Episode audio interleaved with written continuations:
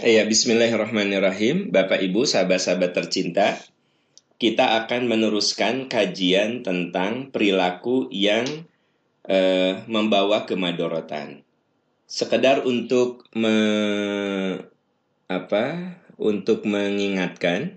Nah, ini saya ulangi sedikit apa yang pernah disampaikan bahwa di antara perilaku yang membawa kemadorotan adalah anania. Anania itu egois, uh, tidak mau dengar pendapat orang, ya. merasa uh, bahwa dirinya selalu benar, orang lain salah, dan orang yang anania itu cenderung uh, sombong, cenderung menganggap orang lain kecil, meremehkan orang lain. Makanya ini perilaku yang melahirkan kemadorotan. Ini sudah kita bahas. Yang kedua, ya, godob. Godob itu artinya orang yang tidak bisa mengendalikan emosinya. Marah itu boleh, tapi ada saat di mana kemarahan kita itu justru membawa kepada kemadorotan. Marah itu satu sifat yang Allah tanamkan kepada manusia untuk supaya kita bisa survival bisa survive menghadapi kehidupan. Dan Nabi mengatakan, Dullani ala amali yudkhilu, yudkhilunil jannah. Ya Rasulullah, tunjukkan pada saya satu amal yang bisa membuat saya masuk surga. Kata Nabi, la tagdob walakal jannah. Kamu jaga emosimu, jaga kemarahanmu, ya kendalikan kemarahanmu, maka untukmu adalah surga. Ini yang kedua, godob. Jadi bukan tidak boleh marah, yang berbahaya ketika marah itu di luar kendali kita. Ini juga sudah kita bahas. Yang ketiga, hasad. Hasad itu adalah kita tidak mau menerima kenyataan bahwa Allah telah lebihkan satu dengan yang lain. Ada yang diberi kelebihan dalam kecerdasan, ada yang diberi kelebihan harta, ada yang diberi kelebihan fisik, ada yang diberi kelebihan penampilan, tapi walaupun orang itu punya kelebihan, sesungguhnya dia juga punya kekurangan. Nah, orang yang dengki, dia tidak bisa mengapresiasi orang lain. Jadi untuk memberikan penghargaan, mengapresiasi atas kesuksesan orang, itu tidak ada pada dirinya. Justru dia nggak suka kalau orang lain itu lebih sukses dari dirinya. Dia nggak suka kalau uh, orang lain itu lebih maju dari dirinya. Nah, itu namanya dengki, ya. Dan kita sudah bahas itu. Yang keempat, ghibah. Ghibah itu adalah uh, kita membicarakan orang lain dan apa yang kita bicarakan itu yakin tidak disukai oleh orang itu. Walaupun yang kita bicarakan itu memang sesuai faktanya, emang faktanya begitu bahwa saya punya teman pelit, emang benar pelit tapi kalau saya omongin tentang pelitnya dia, pasti dia tidak suka. Maka ketika Nabi e, bercerita bahwa tahu nggak yang namanya gibah itu kamu menceritakan kekurangan saudaramu. Sahabat bertanya, ya Rasulullah, bagaimana kalau yang saya ceritakan itu memang ada pada dia? Kata Nabi, iya itu namanya gibah, itu namanya gosip. Kalau kamu menceritakan kekurangan orang lain dan itu benar-benar sesuai fakta, itu gibah. Tapi kalau tidak sesuai fakta, berarti kamu sudah memfitnahnya, kamu sudah menuduhnya. Nah, ini juga akan membawa kita kepada kemadorotan. Ini juga sudah kita bahas. Jadi, empat sudah kita bahas. Sekarang adalah namimah. Ya, Coba buka surat Al-Qiyamah. Al-Qiyamah. Ya. Coba surat Al-Qiyamah. Surat ke-68. Oh, ini berarti salah ya? Bentar, bentar. Al kolam surat ke berapa? 68. Oke, Ibu Bapak. Apa itu namimah? Nah, ya. Namimah itu ini nih. Binamim, ya. Tapi saya baca dulu, kita telaah dulu dari yang uh, ayat sepuluhnya. Wala tuti' jangan kamu patuhi. Jangan kamu teladani. Ya. Jangan kamu patuhi, jangan kamu teladani, jangan. Siapa yang tidak boleh kita teladani? Siapa yang tidak boleh kita patuhi? Kullahalafin yang suka bersumpah. Jadi ngobrol sumpah, ya. Mahin suka menghina. Nah, Ibu Bapak, jadi ada orang yang gampang sumpah terus sok ngehina. Ah ini nggak matching gitu loh ah nuk itu mah murah atuh. Aku juga bisa beli. Ah dodol Garut mah tuh di supermarket juga nggak ada nggak usah oleh-oleh teh. Tiga Garut teh dodol Garut atau di supermarket ge dodol Garut mah banyak. Jadi orangnya itu selalu uh, menghinakan. Terus gampang bersumpah, hari kamu udah sarapan. Demi Allah udah. Masa ngomong sarapan aja pakai demi Allah sih? Ya kan gitu. Hamazin. Nah ya. Ayat sebelah suka mencela. Nah, mencela. Masyain. Nah, ke sana kemari binamim menyebar fitnah menyebar fitnah. Nah kemudian ya Namim itu juga termasuk di dalamnya adu domba. Ya, dia ada kata-kata masyain ke sana ke sini datang ke ini. Akhirnya apa yang terjadi? Si A dan si B itu jadi bermusuhan si A dan si B ini hubungannya menjadi tidak harmonis nah Bapak Ibu ayat ini dimulai dengan kalimat wala tuti jangan kamu teladani. Jangan kamu contoh. Jangan kamu teladani. Ya. Terus apa lagi? Jangan kamu patuhi. Ini kata-katanya dimulai dari jangan. Ya.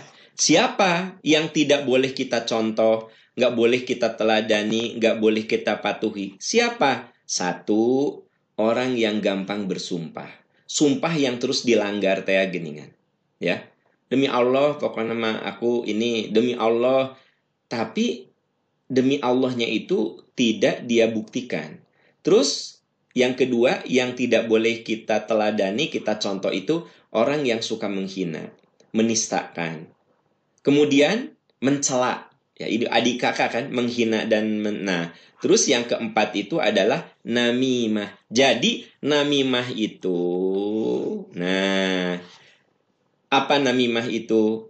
Di dalamnya ada unsur suka bersumpah palsu, suka menghina, suka mencela, menyebar fitnah adu domba. Itu namanya namimah. Saudara-saudara sekalian, kita berbicara perilaku yang membawa madorot. Apa perilaku yang membawa madorot? Namimah. Apa itu namimah? Namimah itu suka bersumpah palsu, suka menghina orang, suka mencela orang, menyebar fitnah dan adu domba. Itu namanya namimah. Ya. Maaf, jangan sampai anak kita diberi nama namimah. Ya. Siapa namanya? Neng Namimah. Nah, berarti Namimah itu apa?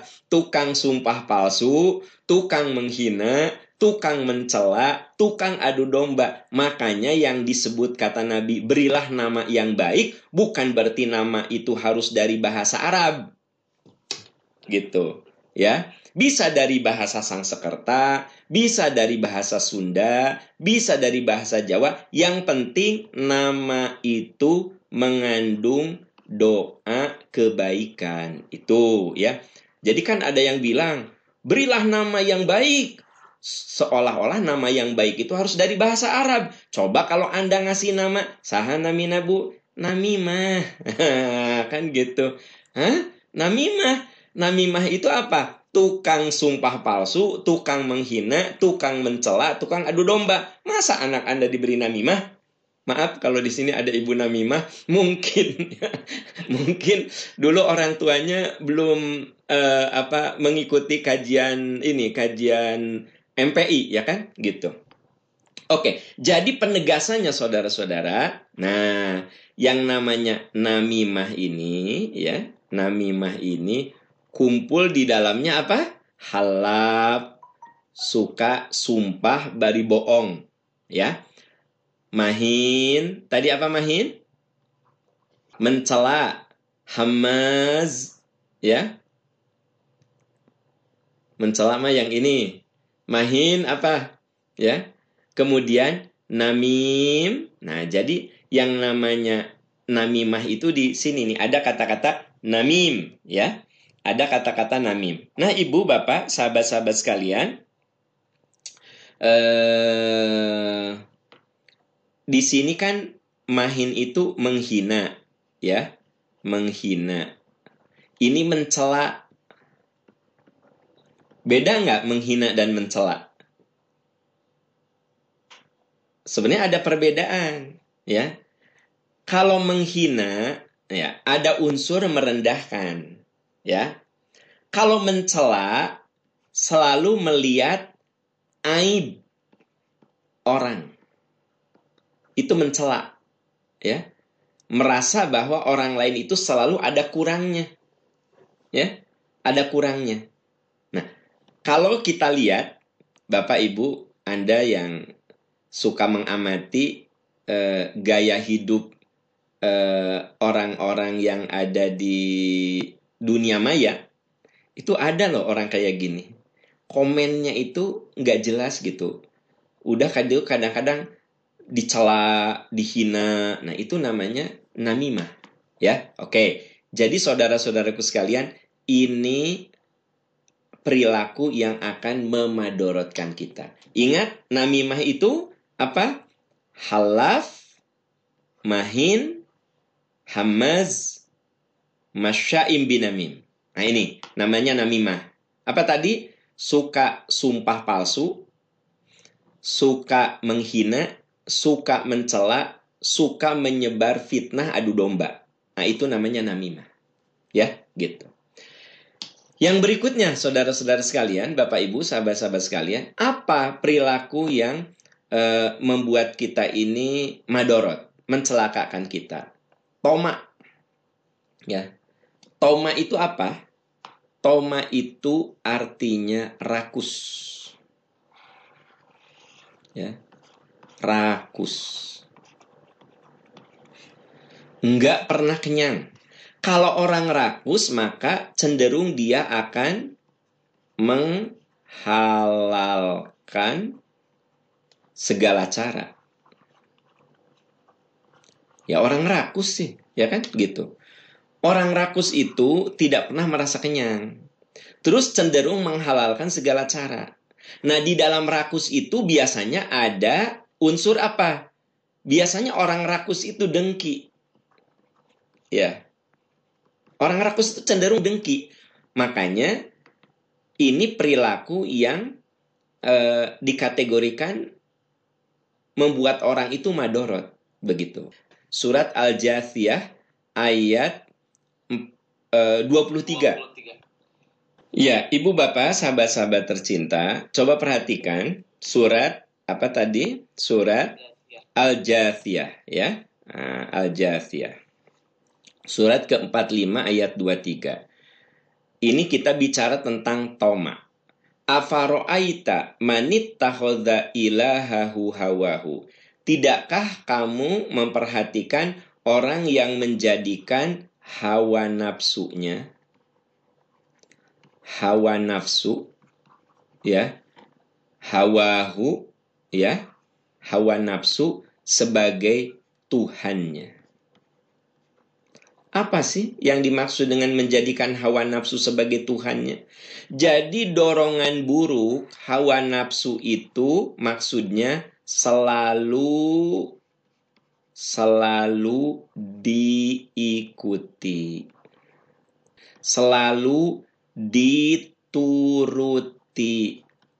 Nah, dan menutup mata mau halal mau haram pokoknya kalau udah mau X dia ingin X dia halalkan segala caranya mau menzolimi orang mau menyakiti orang mau duit orang nggak ada masalah yang penting aku dapat X itu nah itu namanya toma Tidakkah kamu perhatikan orang yang menjadikan hawa nafsu sebagai Tuhannya? Maksud sebagai Tuhannya itu selalu dorongan buruknya itu diikuti, diikuti, diikuti.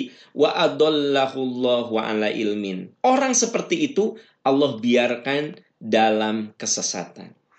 Kebayang nggak? Allah biarkan sesat. Orang itu menjadi tidak pernah kenyang dia tidak haus terus, haus terus haus ya. Dan rasanya nggak cukup, nggak cukup. Wa adallahullahu alamin wa khotama ala samihi. Nah kalau orang begitu, kalau udah dia sesat, maka tertutuplah pendengarannya. Jadi orang seperti itu mah udah nggak bisa dikasih nasihat, ya. Tertutuplah pendengarannya. Kemudian apalagi hatinya, matanya, jadi Anda bisa bayangkan perangkat-perangkat pentingnya itu sudah tidak berfungsi. Apa? Pendengarannya. Ya, pendengaran. Apalagi hatinya. Apalagi penglihatannya. Coba bayangkan. Ini kan perangkat-perangkat yang sangat urgen, ya. Perangkat urgen ini perangkat yang sangat vital ini mati, saudara-saudara sekalian. Mati. Maka orang toma itu dia menutup mata, ini halal, ini haram, ini punya orang atau bukan punya orang, pokoknya dia hajar terus. Ya, kata anak-anak sekarang mah hajar bleh, ya kan? Fama yahdihi mim ba'dillahi. Siapa yang bisa memberikan hidayah selain Allah. Afala tadakkarun? Tidakkah kamu mau ingat?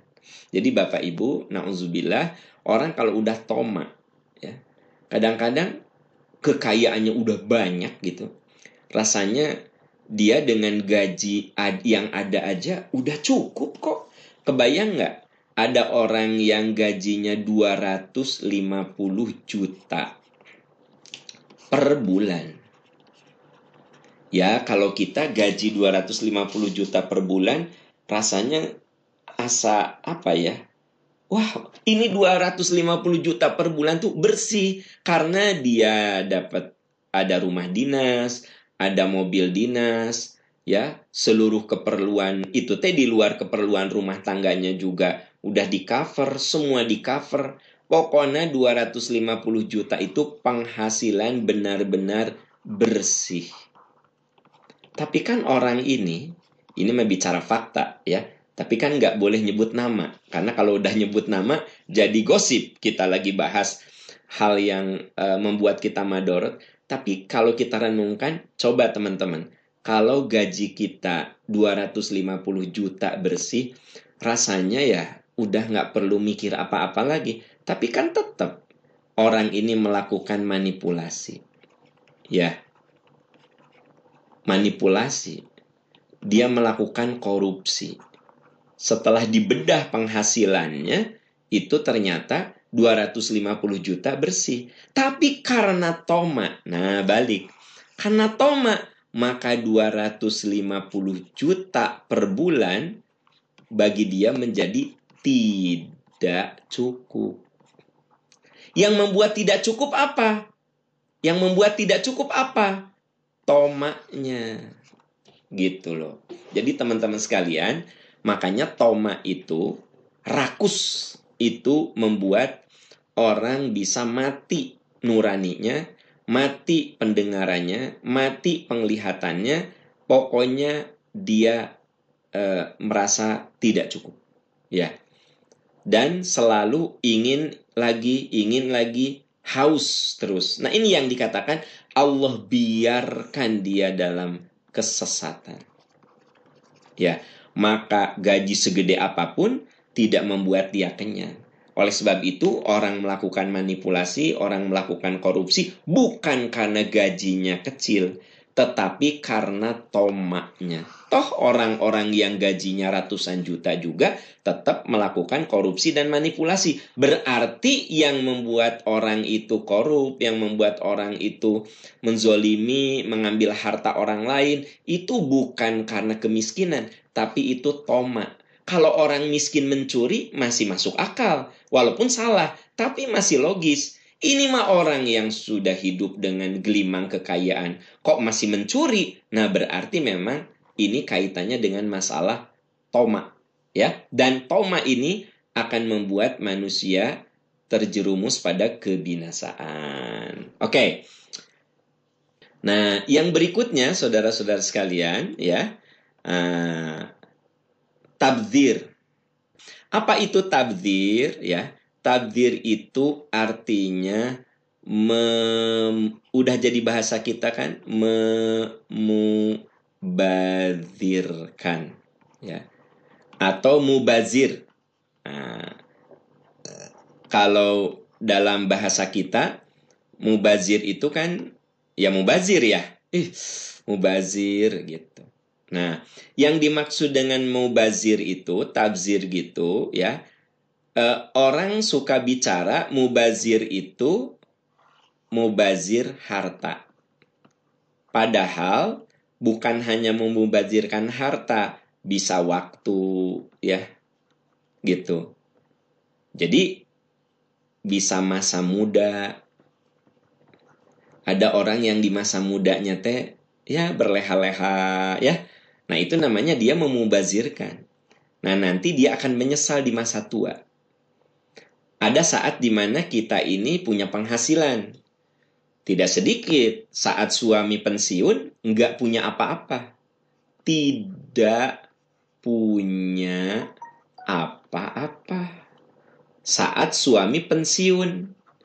Ya, kenapa? Sebab ketika suami masih aktif, istrinya itu tidak bisa menabung. Dia itu selalu foya foya alias mubazir.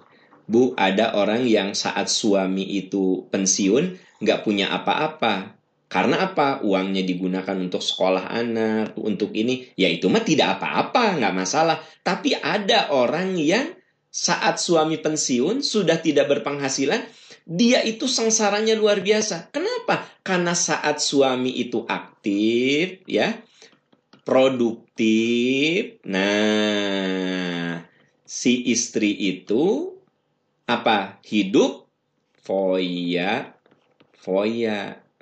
Ya, makanya Ibu, kalau suami lagi produktif, jangan suka memubazirkan harta. Bapak, Bapak, kalau kita lagi aktif, produktif, penghasilan kita bagus, jangan suka poya-poya, jangan suka memubazirkan harta. Karena fisik kita tidak selamanya sehat, penghasilan kita tidak selamanya bagus, karir kita tidak selamanya menanjak. Sok, manfaatkan, gunakan manage dengan baik apa yang Allah titipkan kepada kita. Untuk adik-adik yang masih muda-muda, jangan kalian memubazirkan masa muda.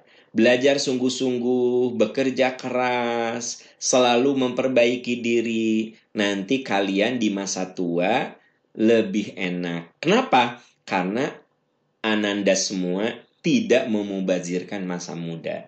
Jadi kalau ada orang-orang yang nyaman di masa tua karena dia tidak memubazirkan kesempatan, tidak memubazirkan waktu, tidak memubazirkan harta sehingga bahagia di waktu tua. Ya kan?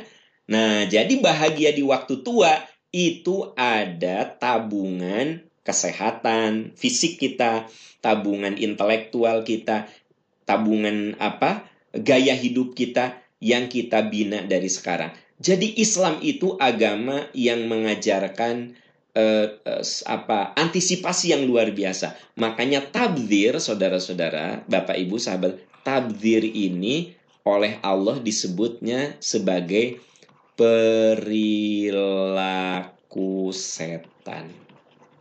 Ya, perilaku setan, tabzir ini, ya. Hidup foya-foya, foya-foya dengan waktu, foya-foya dengan kesempatan, ya di apa dimubazirkan begitu saja. Itu tuh perilaku setan. Dan tentu saja ini akan membuat hidup kita madorot. Ya. Ibu bapak sahabat-sahabat tercinta coba perhatikan ya. Ayat ini indah sekali ya. Berikanlah, coba, berikan kepada kerabat, orang miskin, orang yang dalam perjalanan haknya. Jadi begini, berikan hartamu kepada kerabat yang miskin, yang kehabisan bekal dalam perjalanan, wala tubadir tabdiro, dan jangan kamu boros. Jangan kamu hidup foya-foya. Coba, jadi kalau bapak ibu ngeluarin harta untuk membantu saudara, membantu fakir miskin, itu tidak disebut boros. Tidak. Ya. Tidak. Yang namanya boros itu Anda dan saya mengeluarkan untuk sesuatu yang ada guna. Ya. Misalnya kita punya keponakan, dia mau kuliah, orang tuanya nggak ada uang. Kita bantu dengan uang kita. Sebut saja butuh uang 6 juta. Coba, ini mau bazir bukan? Boros bukan? Bukan boros. Gitu loh. Ya, ada saudara kita yang sakit, butuh uang untuk obat. Kita beri, sebut saja 10 juta karena operasi. Apakah ini boros? Ini bukan boros. Begitu.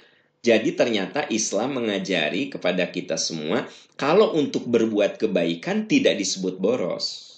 Ya, boros itu kita menggunakan sesuatu untuk sesuatu yang tidak jelas gunanya, tidak ada gunanya.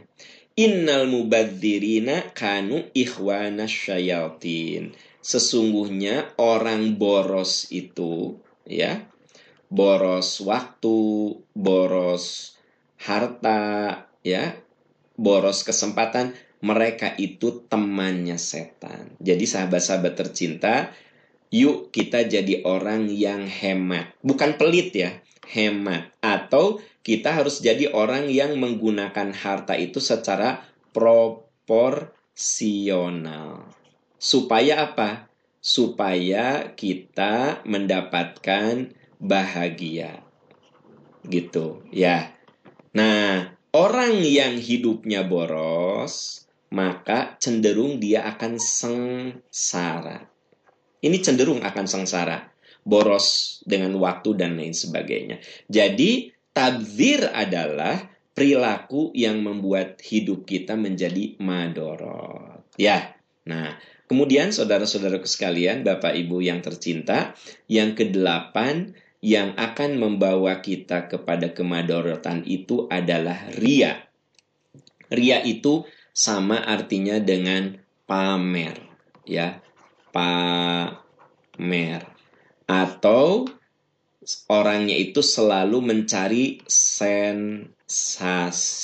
Dengan apa? Ya dengan apa saja, termasuk dengan hartanya, dengan kesuksesannya. Orangnya itu ria, seneng pamer, ya, sensasi, ya, bikin sensasi. Nah, saudara-saudaraku eh, tercinta, ria, ya, hati-hati dengan medsos Ya Allah, nikmat sekali hamba tahajud pada malam ini. Apa yang te? Ya, di statusnya itu di status IG di status WA-nya, ya Allah, nikmat sekali tahajud malam ini. Kan gitu. Ah, ya Allah, tadi malam hamba bersimpuh di hadapanmu, disaksikan tetesan-tetesan air mata pertobatan, ya Allah. Naon sih maksudnya apa sih gitu loh. Latub tilu sodakoti kumbil mani wal ada. Jangan kamu rusak. Jangan kamu rusak. Kebaikan-kebaikanmu itu bil mani wal ada dengan pamer atau kamu berbuat baik tapi tapi kamu menyakiti orang itu gitu ya ya Anda sudah bantu teman Anda nulis di status capek juga ya punya teman yang selalu minta-minta sok Coba. Ya, kebayang nggak? Isan teh minta tolong ke saya. Ustad, ya, ya Kang Isan ya, sok saya tolong, ya kasih 2 juta. Baru aja dua menit, kia capek juga ya punya temen yang selalu minta, cok. Cek Isan teh, ya Allah, orang nyari hati, eh, eta aam nulis, ya seperti itu. Jangan kamu rusak, jangan kamu rusak dengan pamer, pamer bahwa Anda itu tahajud, pamer. Walaupun Anda menggunakan kata-kata alhamdulillah, Anda pikir alhamdulillah itu kemudian menghilangkan pamer Anda? Ya? Uh, Alhamdulillah ya. Untuk bulan ini hamba menamatkan Quran dua kali khotam terima kasih ya Allah. Ya ya ditulis tuh di IG ayah di apa? Ah pokoknya segala med media we ya. Termasuk di Telegram di mana. Ah ya dia kan punya banyak itu ya. Di Line, di Telegram, di WA, di IG, di Facebook, ya kan? Di TikTok, di TikTok wayannya. Alhamdulillah, alhamdulillah kan gitu, ya kan? Hamba sudah tamat Quran, hamba sudah tamat Quran. Apa sih gitu kan? Nah, ini ria. Jadi jangan kamu rusak. Allah memberikan perumpamaan itu seperti orang yang menafkahkan hartanya kan orang yang menafkahkan hartanya karena ria itu seperti seperti eh, debu. Jadi amal kita itu diumpamakan debu nempel di batu. Ya. Fa'asobahu bil turun hujan gede, fatarokahu solda, maka batu itu menjadi bersih. Menjadi bahasa Sunan mah lecir. Nah, lecir, ya kan? Gitu. Kabayang tuh, batu nempel tadi situ. Ada debu segala macam. Itu debu itu seperti seolah-olah amal kita. Terjadi hujan. Apa yang terjadi? Bersih layak diruna alai syai mimma kasibu mimma kasabu nggak tersisa sedikit pun dari apa yang mereka usahakan kabayang tuh tersisa ala syai. Se semenel pun sekecil pun nggak ada yang tersisa. Habis semuanya. Jangan sampai saudara-saudaraku tercinta tahajud kita saum senin kamis kita taklim kita ini apa solda menjadi bersih habis ya layak diruna ala syai. Nggak tersisa sedikit pun. Mimma kasabu. Apa yang mereka perbuat itu tak tersisa sedikit pun. Kenapa? Karena bil manni wal aza. Kita pamer. Ya begitu. Atau kita menyakiti. Nah, jadi ini ria termasuk suatu yang akan mencelakakan kita. Mencelakakan atau memadorotkan. Nah, Bapak Ibu sahabat-sahabat tercinta, itulah delapan ya perilaku yang membuat kita celaka. Ya, yang membuat kita madorot. Nah, semoga kita bisa terbebas dari ini semua. Untuk teman-teman yang baru ikut hari ini, nah, yang empat sebelumnya itu sudah dibahas dan ini bagian ketiga, bagian terakhir dari materi kita, perilaku yang membawa madorot. Ya, itu Bapak Ibu, sahabat-sahabat tercinta, semoga Allah Subhanahu wa taala memberkahi kita semua, membimbing kita semua. Mohon doa agar saya selalu sehat, doakan saya sehat, berkah dan husnul khotimah. Tentu saya juga selalu mendoakan Ibu Bapak. Insya Allah hari Ahad depan kita bertemu jam berapa? Ibu Bapak, terima kasih untuk semuanya. Maaf saya tidak bisa sebut satu persatu. Demikian yang bisa saya sampaikan. Insya Allah eh, hari Ahad kita bertemu lagi di Majelis Percikan Iman. Demikian. Subhanaka Allahumma wa bihamdika asyhadu an la ilaha illa anta astaghfiruka wa atubu ilaik. Walhamdulillahirabbil alamin. Wassalamualaikum warahmatullahi wabarakatuh. Ya, bismillahirrahmanirrahim. Alhamdulillahirabbil alamin. Bapak Ibu sahabat-sahabat tercinta insya Allah hari ini kita akan meneruskan pembahasan yang sudah kita jalani pada ahad yang lalu ya Nah, tentu saya akan mereview sedikit ya. Akan mereview sedikit uh, apa yang sudah kita bahas. Kemarin kita bahas bahwa uh, deskripsi hijrah dalam Al-Quran yang sudah dibahas kemarin, ya. Bagi anda yang kemarin tidak ikut, uh, terakhir kita membahas pertama bahwa hijrah itu memang membutuhkan pengorbanan. Kalau kita mau hijrah, maka siapkan ada pengorbanan. Pengorbanan mental, pengorbanan uh, perasaan, pengorbanan harta, bahkan pengorbanan jiwa. Ini yang dijelaskan di dalam surat An-Nahl, surat ke-16 ayat 110. Ya, ini saya maaf saya tidak bahas karena sudah kita bahas. Anda lihat saja di YouTube-nya ya di YouTube sudah diupload di YouTube eh, refleksi hijrah bagian pertama. Yang kedua, ya, hijrah itu beresiko.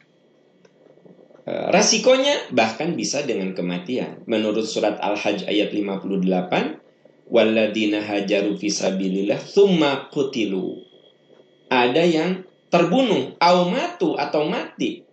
Walaupun orang yang hijrah itu ternyata ada yang terbunuh, ada yang mati, ada yang jadi korban, layar zuqannahumullahu rizqan hasana. Allah akan berikan rezeki yang baik. Wa innallaha lahu khairur raziqin. Dan Allah itu sebaik-baik pemberi rezeki. Nah, Bapak Ibu, minggu lalu sudah saya bahas apa dasar penanggalan syamsiah, apa dasar penanggalan komariah, kemudian juga apa makna hijrah, dan juga saya sudah bahas kemarin uh, bahwa hijrah itu uh, ada konsekuensi. Hijrah itu butuh pengorbanan. Hijrah itu sangat beresiko, ya. Nah, kita akan lanjutkan Ibu Bapak yang sekarang. Allah janjikan rahmat untuk orang-orang yang berhijrah. Kenapa Allah janjikan rahmat? untuk orang-orang yang berhijrah ya karena tadi sudah disinggung bahwa hijrah itu beresiko ya bahwa yang namanya hijrah itu butuh pengorbanan karena kita hijrah kita berubah ke arah yang lebih bagus itu ternyata butuh pengorbanan ya beresiko saya ingatkan sekali lagi bahwa yang namanya hijrah itu adalah perubahan ini yang tidak boleh kita lupa hijrah itu perubahan ke arah yang lebih baik. Ya, ini inti dari hijrah. Kalau kita ingin melakukan perubahan ke arah yang lebih baik, pasti saya bahas kemarin ada resiko, ya. Kemudian ada butuh pengorbanan. Nah, Pengorbanan dan resiko itulah yang kemudian akan melahirkan apa? Nah, ya. Jadi ternyata kalau kita berhijrah sampai akhirnya kita menanggung resiko dan kemudian kita juga berkorban, tapi tidak sia-sia karena Allah akan memberikan rahmat kepada orang yang berhijrah. Ya. Coba Ibu Bapak buka surat Al-Baqarah 218. Bapak Ibu, sahabat-sahabat tercinta, innalladzina amanu, sesungguhnya orang-orang yang beriman. Walladzina hajaru, orang-orang yang berhijrah. Ya. Wajahadu, orang-orang yang berjihad. Jadi ternyata antara hijrah dan jihad itu nah, orang yang iman.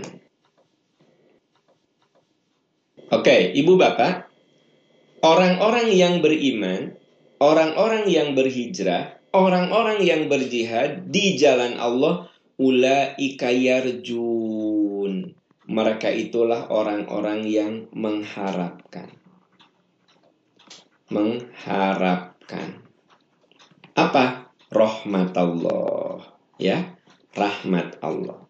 Jadi kalau kita ini mau berhijrah ya dan hijrah itu harus dibarengi dengan jihad apa itu jihad sungguh-sungguh sungguh-sungguh. Iman, hijrah, jihad, dasarnya karena keimanan, kemudian kita berusaha untuk berpindah dari keburukan kepada kebaikan, berpindah dari keburukan pada kebaikan tuh butuh sungguh-sungguh. Tadinya saya pelit menjadi dermawan, itu kan butuh sungguh-sungguh. Ya, tadinya saya pendendam jadi pemaaf, itu kan butuh sungguh-sungguh. Nah, kalau kita sudah berhijrah dengan segala kesungguhan, ulaika yarjuna rahmatullah. Mereka itulah orang-orang yang mengharapkan rahmat Allah. Wallahu ghafurur rahim. Dan Allah itu Maha Pengampun, Maha Penyayang. Bapak Ibu, coba perhatikan. Wallahu ghafurur rahim. Apa hubungannya rahmat ya dengan Allah Maha Pengampun, Maha Penyayang? Karena yang namanya rahmat itu kasih sayang Allah yang menyebabkan dosa kita diampuni. Apa itu rahmat? Rahmat itu kasih sayang Allah, cinta Allah. Ya. Cinta Allah Subhanahu wa taala yang menyebabkan dosa dosa kita diampuni. Ini namanya rahmat. Jadi apa rahmat itu? Rahmat itu adalah cinta Allah yang menyebabkan dosa-dosa kita diampuni. Makanya ujung dari ayat ini wallahu ghafurur rahim dan Allah itu Maha Pengampun, Maha Penyayang. Kapan Allah mengampuni kita? Kalau kita dengan dasar iman berjuang untuk berubah ke arah yang lebih bagus dan perubahan itu dijalani dengan segala kesungguhan, maka Allah katakan mereka itulah orang-orang yang mengharapkan rahmat Allah. Dan kalau Allah sudah memberikan rahmat, maka dosa-dosa kita akan diampuni karena Allah wallahu ghafurur rahim. Allah itu Maha Pengampun, Maha Penyayang. Ya. Nah, jadi kalau kita berhijrah rahmat untuk orang yang berhijrah. Saya ingin jelaskan tadi apa itu rahmat. Nah, kalau teman-teman ingin yakin dengan apa yang saya jelaskan, coba buka surat Az-Zumar ayat eh, ayat 53. Bapak Ibu, sahabat-sahabat sekalian, nah saya akan tadi kan kalau kita hijrah, ya masih ingat pembahasan saya tadi, kalau kita hijrah, ya, maka Allah akan memberikan rahmat. Ya enggak? Nah, sekarang apa itu rahmat? Tadi saya katakan rahmat Allah, rahmat adalah cinta Allah yang menyebabkan dosa-dosa kita diampuni. Nah, tentu saja Anda perlu nanya ke saya, apa landasannya? Apa landasan bahwa yang namanya rahmat itu adalah cinta Allah yang menyebabkan dosa kita diampuni. Ini landasannya. Qul ya ibadiyalladzina ala anfusim. Katakan pada hamba-hambaku yang pernah terjerumus dosa. Pernah menzolimi dan mengkhianati keyakinannya. Mengkhianati ilmunya. Lataknatu min rahmatillah. Jangan kamu putus asa. Jadi di sini ada kata-kata Katakan pada hamba-hambaku yang asrofu melewati batas atau durhaka. Ya, durhaka. Katakan pada hamba-hambaku yang durhaka, lataknatu mir rahmatillah. Jangan kamu putus asa. Ya. Kamu jangan putus asa dari rahmat Allah. Nah, jadi kalaupun kita ini pernah berbuat dosa maksiat, kita pernah berbuat durhaka, kita pernah melanggar aturan-aturan Allah, tapi kamu jangan putus asa dari rahmat Allah. Apa itu rahmat? Kamu jangan putus asa dari cinta Allah yang menyebabkan dosa-dosamu itu nanti diampuni. Kamu jangan putus asa. Karena innallaha yagfirudz dzunuba. Allah ampuni ampuni. Ya, zunub dosa-dosa. Bapak Ibu, Anda yang pernah belajar bahasa Arab, zunub itu kata jama. Kata tunggalnya zanbun. Zanbun itu dosa. Kalau zunub dosa-dosa. Allah katakan, Allah ampuni dosa-dosamu. Ah, luar biasa. Jami'an. Apa jami'an? Seluruhnya. Ini yang disebut dengan taukid. Seluruhnya. Innahu huwal ghafurur rahim. Allah maha pengampun, maha penyayang. Jadi saudara-saudara sekalian, apa yang disebut dengan rahmat? Yaitu cinta Allah yang menyebabkan yagfirudz dzunub. Dosa-dosa kita diampuni. Itulah yang disebut dengan rahmat. Jadi rahmat itu adalah cinta Allah yang menyebabkan yagfirudz dzunub. Allah ampuni dosa-dosa kita jami'an. Jangan salah. Jami'an semuanya. Allah ampuni. Makanya jangan putus asa dari ampunan Allah. Innahu huwal ghafurur rahim. Allah itu maha pengampun, maha penyayang. Saya ingin tunjukkan lagi yang tadi. Coba lihat ya.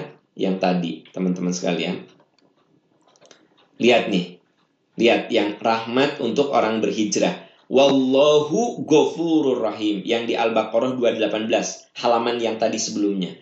Allah Maha Pengampun, Maha Penyayang. Nah, sekarang sama Huwal ghafurur rahim. Allah Maha Pengampun, Maha Penyayang. Jadi kalau bicara tentang rahmat, ya, di Quran itu kalau bicara tentang rahmat selalu dihubungkan dengan sifat Allah yang ghafur dan rahim, pengampun dan penyayang.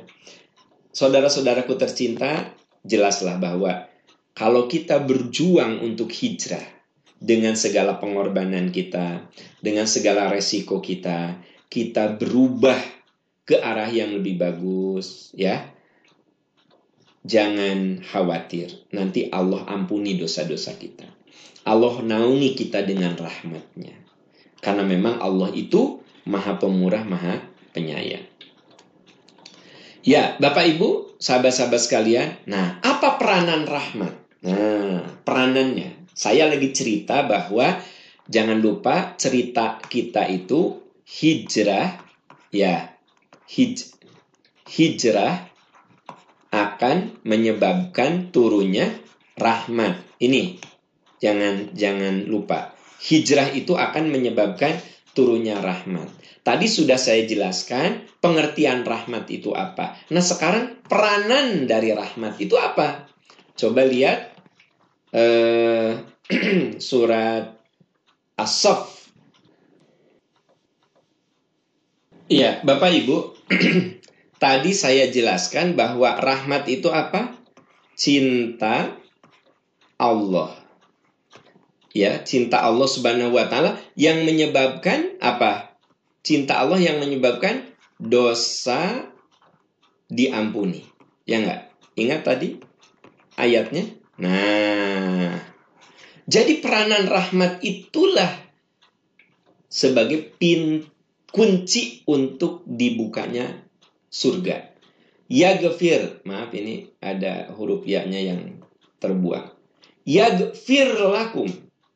Allah ampuni. Nah, teman-teman, ampuni. Zunubakum dosa-dosamu. Wa yudkhilkum Allah masukkan. Kamu ke dalam surga yang mengalirnya, yang mengalir di bawahnya sungai-sungai. Dan Allah tempatkan kamu di tempat yang baik dalam surga Aden. Zalikal fauzul azim. Itulah karunia paling besar. Coba perhatikan di sini. Jadi peranan rahmat apa? peranan rahmat itu adalah kunci surga. Makanya yang membuat kita masuk surga itu bukan banyaknya amal, tetapi diampuninya dosa. Saya ulangi, yang menyebabkan orang itu masuk surga bukan banyaknya amal, tetapi diampuninya dosa. Sekarang amalnya banyak, ya. Tapi kalau muflis, bangkrut, kan Nabi katakan ada orang yang di akhirat itu bangkrut. Sehingga karena bangkrut dia tidak dapat ampunan Allah. Kata Rasul, yakumu bin nahar, yakumu bil lail, yasumu bin nahar. Ada orang yang kalau malam dia selalu tahajud. Yakumu bil lail, yasumu bin nahar. Siang hari dia saum. Tapi berbarengan dengan amal solehnya yang banyak itu, syatan mahada, dola mahada, dia menggibasi ini, menggibasi itu, memfitnah si fulan, menistakan si fulan, menzolimi si fulan, maka si fulan si fulan yang uh, dizolim itu, yang difitnah itu, yang digosipkan itu, semua datang sama orang itu. Dan mereka menuntut haknya. Akhirnya apa? Amalannya yang segitu banyak digunakan untuk membayar kezoliman, fitnah kepada orang-orang itu. Kata Nabi, maka dia tidak dapat ampunan karena dia muflis, dia tidak punya amal. Makanya saudara-saudaraku tercinta, camkan dalam hati kita bahwa yang menyebabkan masuk surga adalah ampunan Allah. Makanya kalau kita sudah beramal, jangan sampai kita rusak dengan gosip, dengan fitnah, dengan dengki, ya, dengan hal-hal yang berbau kezoliman kepada orang lain. Khawatir amal kita tuh habis karena diambil oleh orang-orang yang kita zolimi. Dan yang perlu kita cari adalah ampunan Allah. Ya Allah ampuni kesalahan hamba. Jadi ketika kita sudah berbuat kebaikan, kita katakan semoga ini jadi pelebur bagi dosa hamba. Kalau kita sudah majelis taklim, ya Allah semoga ini jadi penghapus bagi dosa hamba. Kalau kita sudah bersedekah, semoga ya Allah ini jadi penghapus bagi dosa hamba. Ketika kita sudah baca Quran, ya Allah semoga ini penghapus bagi dosa hamba. Kenapa? Karena yang kita butuhkan itu rahmat. Karena dengan rahmat itulah yagfir lakum. Coba Anda lihat sekali lagi di sini. Yagfir lakum. Allah ampuni kesalahan. Kalau Allah sudah ampuni, maka Allah akan masukkan ke dalam surga. Jadi kalau udah yagfir, maka baru Allah masukkan. Allah masukkan. Ya. Setelah Allah ampuni. Dan Anda tahu bahwa ampunan Allah itu ada dalam rahmatnya. Bapak Ibu, jadi ketika kita berhijrah, sebenarnya kita ingin mendapatkan rahmat Allah Subhanahu wa taala. Nah, betapa besarnya karunia kepada orang-orang yang berhijrah. Makanya Allah berikan kemuliaan kepada orang-orang berhijrah. Ya, jangan lupa materi kita minggu lalu bahwa hijrah saya akan ulang-ulang terus supaya saya tidak lupa, Anda pun tidak lupa. Hijrah itu butuh pengorbanan. Ya. Ya. Yang namanya hijrah itu butuh pengorbanan, yang namanya hijrah itu beresiko. Gitu. Ya. Maka orang yang berhijrah oleh Allah akan diberi rahmat. Dan dengan rahmat itulah Allah akan memberikan kemuliaan. Ini kemuliaan, kemuliaan. Ya, ini yang kita singgung hari ini, kemuliaan. Coba lihat surat ke-9 ayat 20. Ya, coba perhatikan ayat ini. Alladzina amanu. Diulang lagi teman-teman sekalian. Coba kalau Anda lihat ayat-ayat tadi yang sudah kita bahas orang yang beriman. Ya. Wahajaru hijrah. Ya. Hijrah. Terus apa lagi? Wajahadu jihad. Selalu ini diulang. Iman, hijrah, jihad.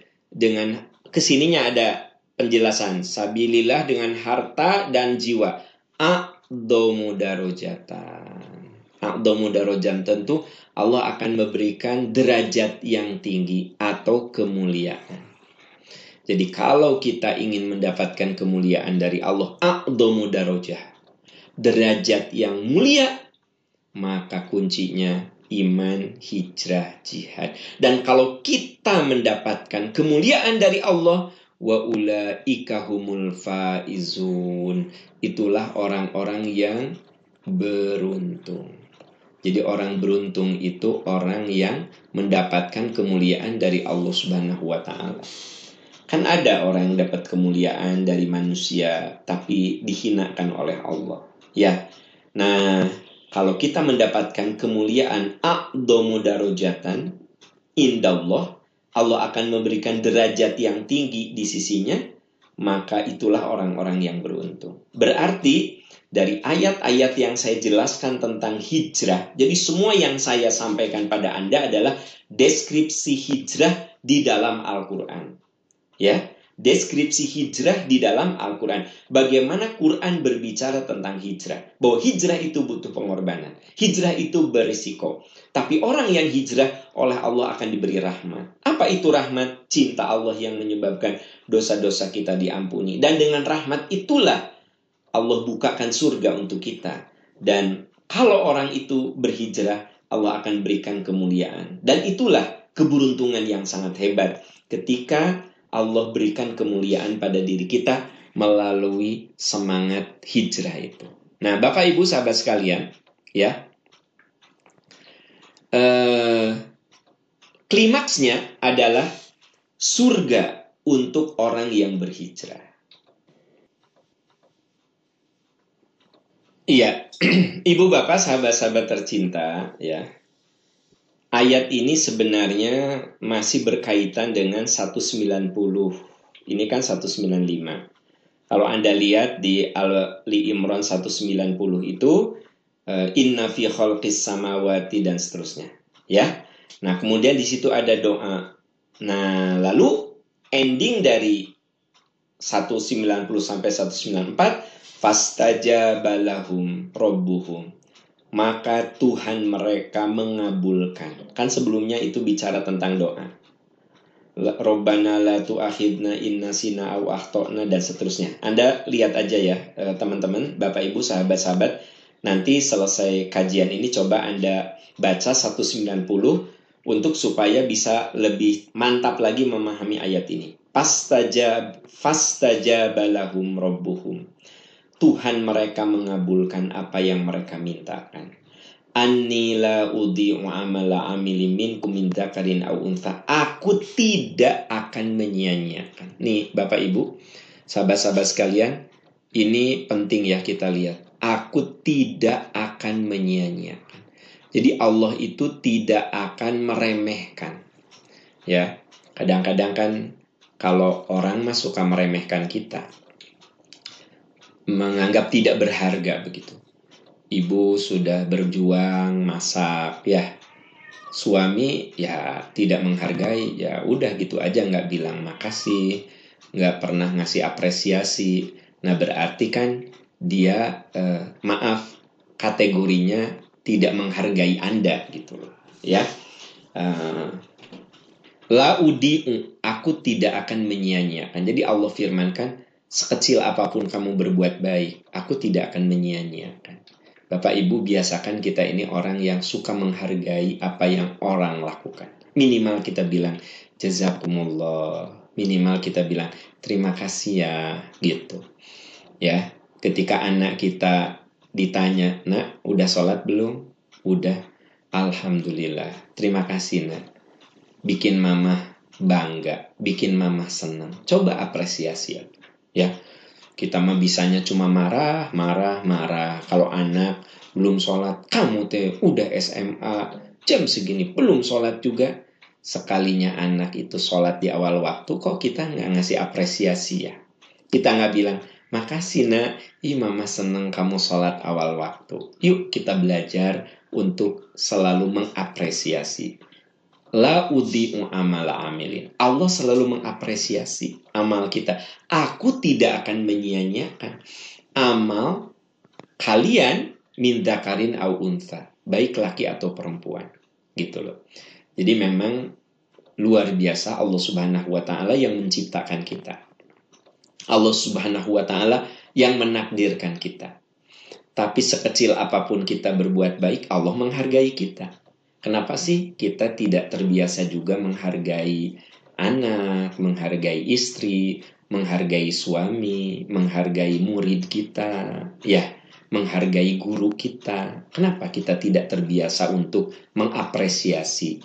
Ya, berterima kasih Allah saja. yang menciptakan kita, aku tidak akan menyia-nyiakan. La amala amili minkum. Aku firman Allah tidak akan pernah menyia-nyiakan amal kamu. Baik laki ataupun perempuan. Ba'dukum min ba'din. Sebagian kamu atas sebagian lain. Aku tidak akan menyia-nyiakan. Baik kamu secara individu ataupun kamu secara kelompok. Aku tidak akan menyia-nyiakan. Nah baru yang ada kaitan dengan pembahasan kita. Nah ini dari sini ya. Ya. Falladzina hajaru. Orang yang hijrah Wa ukhriju min diarihim, bahkan diusir dari kampung halamannya.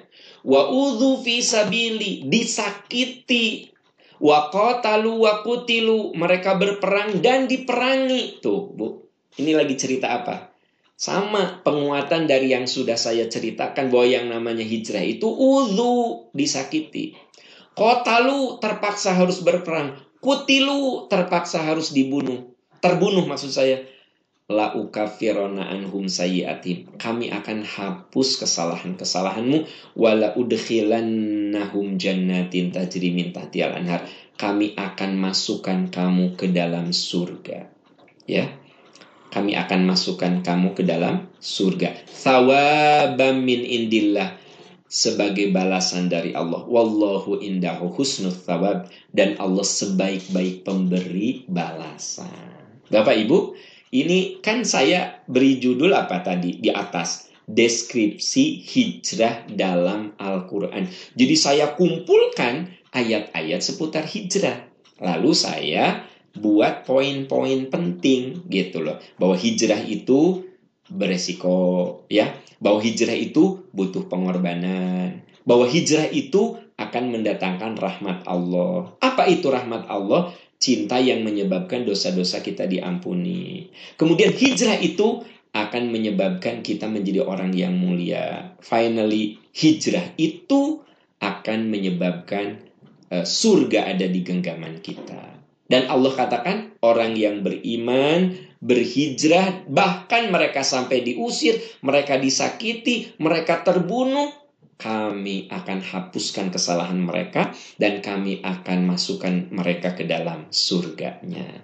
Tawabam min indillah sebagai balasan dari Allah dan Allah itu sebaik-baik pemberi balasan. Ya. Nah, itu saudara-saudaraku tercinta. Nah, insya Allah saya akan jelaskan amalan setara hijrah. Ya, Nah Bu, Pak, saya berharap ya catatan-catatan Quran yang tadi saya sebutkan tuh Anda catat.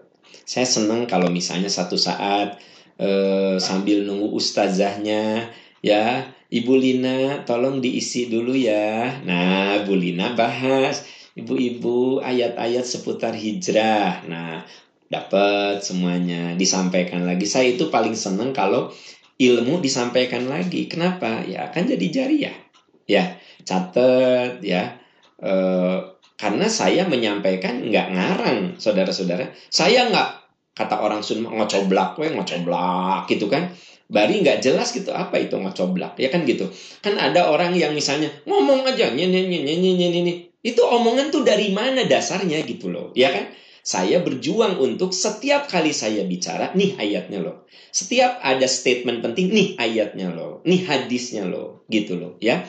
Jadi ketika saya mendefinisikan rahmat saja, tidak sekedar saya buat definisi, ada teks ayatnya, rujukannya. Nah, makanya tadi saya menyampaikannya pelan-pelan, lalu saya terangkan kata per katanya. Nih, maksudnya ini loh, maksudnya ini loh, gitu loh, ya.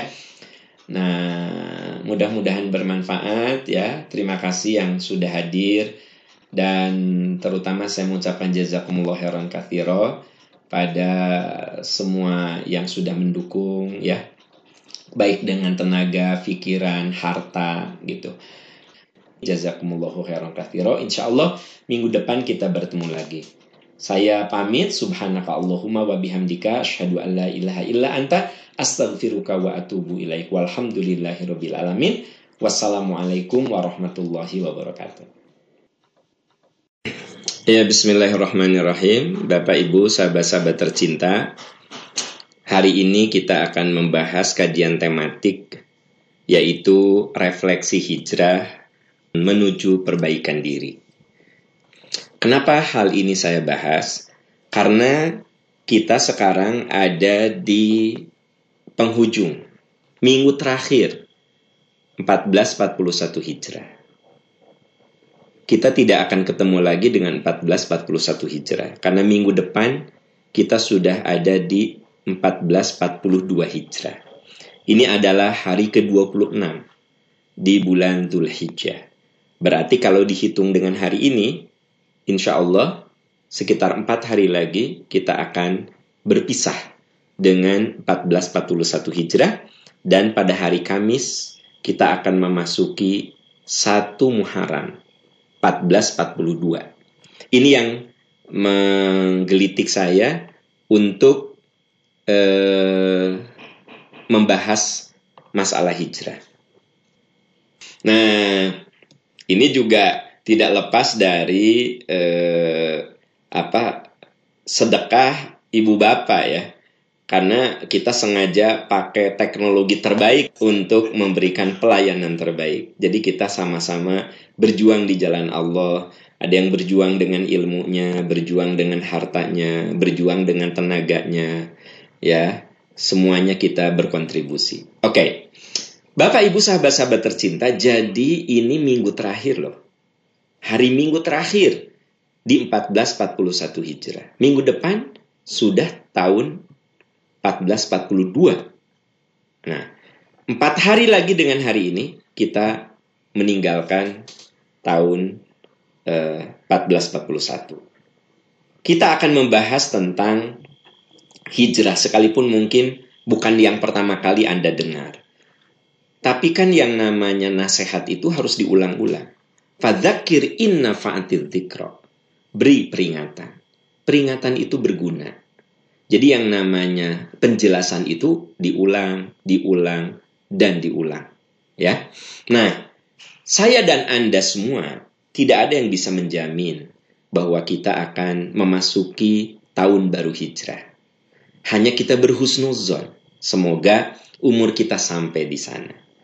Nah, saya ingin uh, mengkaji masalah ini, saudara-saudara sekalian, ya. Refleksi hijrah untuk perbaikan diri, ya. Coba teman-teman buka surat Yunus ayat 5. Surat Yunus ayat 5. Di surat ini dijelaskan ada dua macam penanggalan. Ya, silahkan lihat surat Yunus ayat eh, 5. Surat Yunus ayat 5. Sahabat-sahabat, saya akan bedah kata per kata.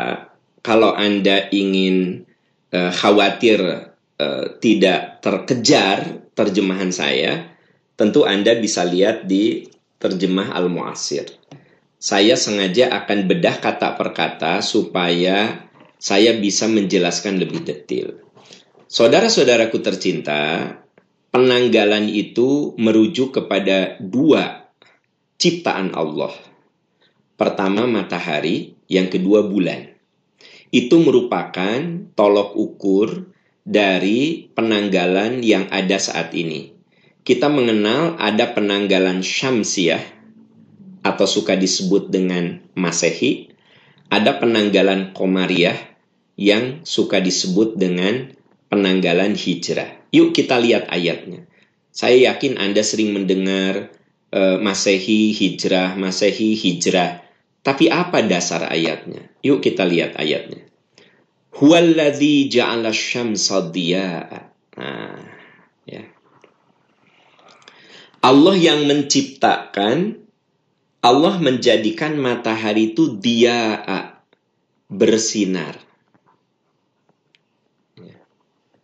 Apa arti bersinar? Dia punya api sendiri. Jadi dia itu benda yang besar, yang dahsyat, dan dia berapi, punya sumber api. Makanya dia itu artinya sesuatu yang mengandung api.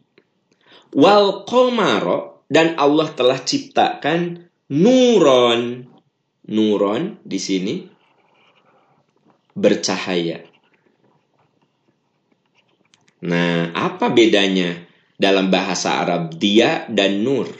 Kalau dia, dia tuh punya api sendiri, sumber api.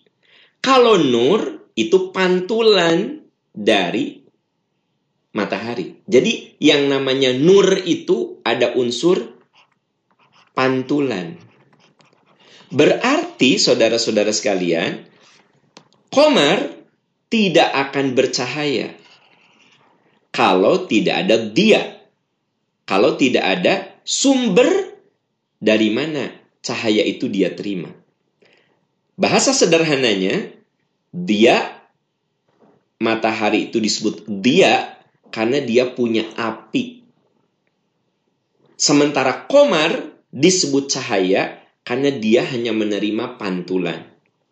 Nah, ayat berikutnya wa qaddarahu manazila lita'lamu adadas sinina wal hisab. Ya. Nah, Allah telah menetapkan tempat-tempat orbitnya. Jadi matahari ada realnya, kalau bahasa saya bahasa awam. Bulan juga ada relnya. Jadi dia tidak keluar dari relnya. Ada relnya, ada jalurnya. Dan dengan begitu lita lamu ada dasinin. Kamu bisa mengetahui jumlah tahun. Kamu dengan begitu bisa tahu hitungan tahun dan waktu. Jadi saudara-saudara sekalian, matahari, bulan, itu manazil. Dia punya tempat berjalan. Dia punya orbitnya. Dengan begitu, lita lamu ada sini. Kamu akan tahu hitungan tahun dan hitungan waktu.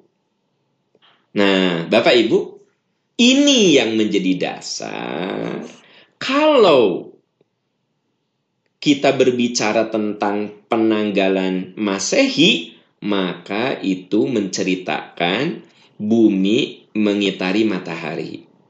Kalau kita bicara tentang komariah, komar, komar bulan, maka hitungannya adalah bulan mengitari bumi.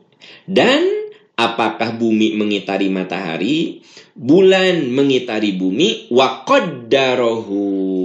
semua itu ada takdirnya, ada takarannya, ada ukurannya. Mana zila? Takaran ukuran itu konsisten di dalam sebuah alur, ya, dalam sebuah orbit karena teratur bumi mengitari matahari teratur, bulan mengitari bumi teratur, maka dengan begitu lita lamu ada dasinin kamu bakal tahu hitungan tahun dan hitungan waktu. Ma khalaqallahu dzalika illa bil Allah tidak ciptakan itu kecuali dengan benar. Jadi maksudnya tidak asal-asalan, tapi benar. Yufassilul ayati liqaumi ya'lamun. Allah jelaskan ayat-ayatnya bagi kaum yang mau mengerti. Jadi Allah jelaskan ayat-ayatnya bagi kaum yang mau belajar, bagi kaum yang mau berpikir, bagi kaum yang selalu mencari tahu. Nah, ini saudara-saudara dasar dari penanggalan Syamsiah dan penanggalan Komariah. Ini dasar dalam Al-Qur'an yang menegaskan bahwa bumi mengitari matahari itu lahir penanggalan syamsiah. Syamsiah itu diambil dari kata syams. Waja'ala syamsa Sementara penanggalan komariah itu diambil dari wal komaronuro. Nah, ya. Jadi dari analisa ini jelas bahwa penanggalan dalam Al-Quran itu ada dua, syamsiah dan komariah. Ini dasarnya, ya biar teman-teman kita semua tahu apa sih dasarnya gitu ya. Nah, saudara-saudara sekalian, sistem penanggalan yang didasarkan atas peredaran bulan mengelilingi bumi disebut Komariah tadi. Ya, ingat nggak?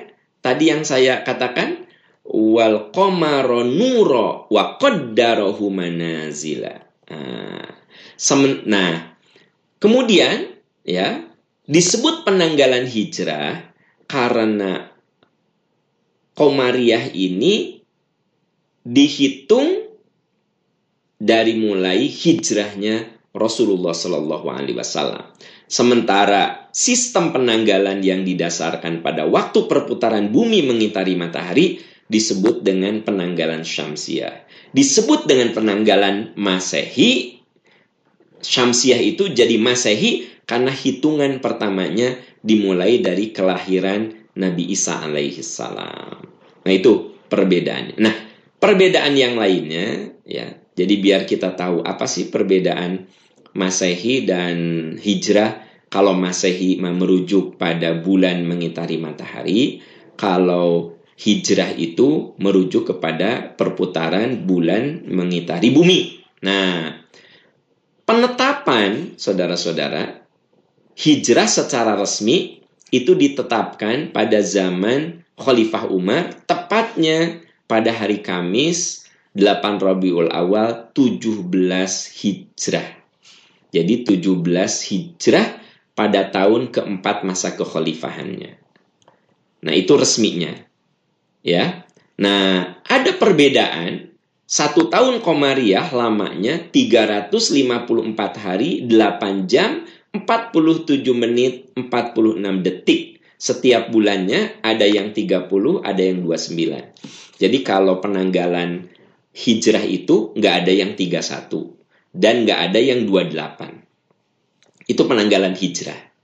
Tidak ada yang 31, tidak ada yang 28. Berbeda dengan penanggalan Masehi, ada yang satu bulan itu 31, tapi ada saat di bulan Februari penanggalan itu hanya sampai di tanggal 28. Nah, itu perbedaan. Sehingga eh, perbedaan antara Hijriah dan Masehi itu kalau dibulatkan dalam satu tahun sekitar 11 hari perbedaannya. Kalau dibulatkan ya, 11 hari.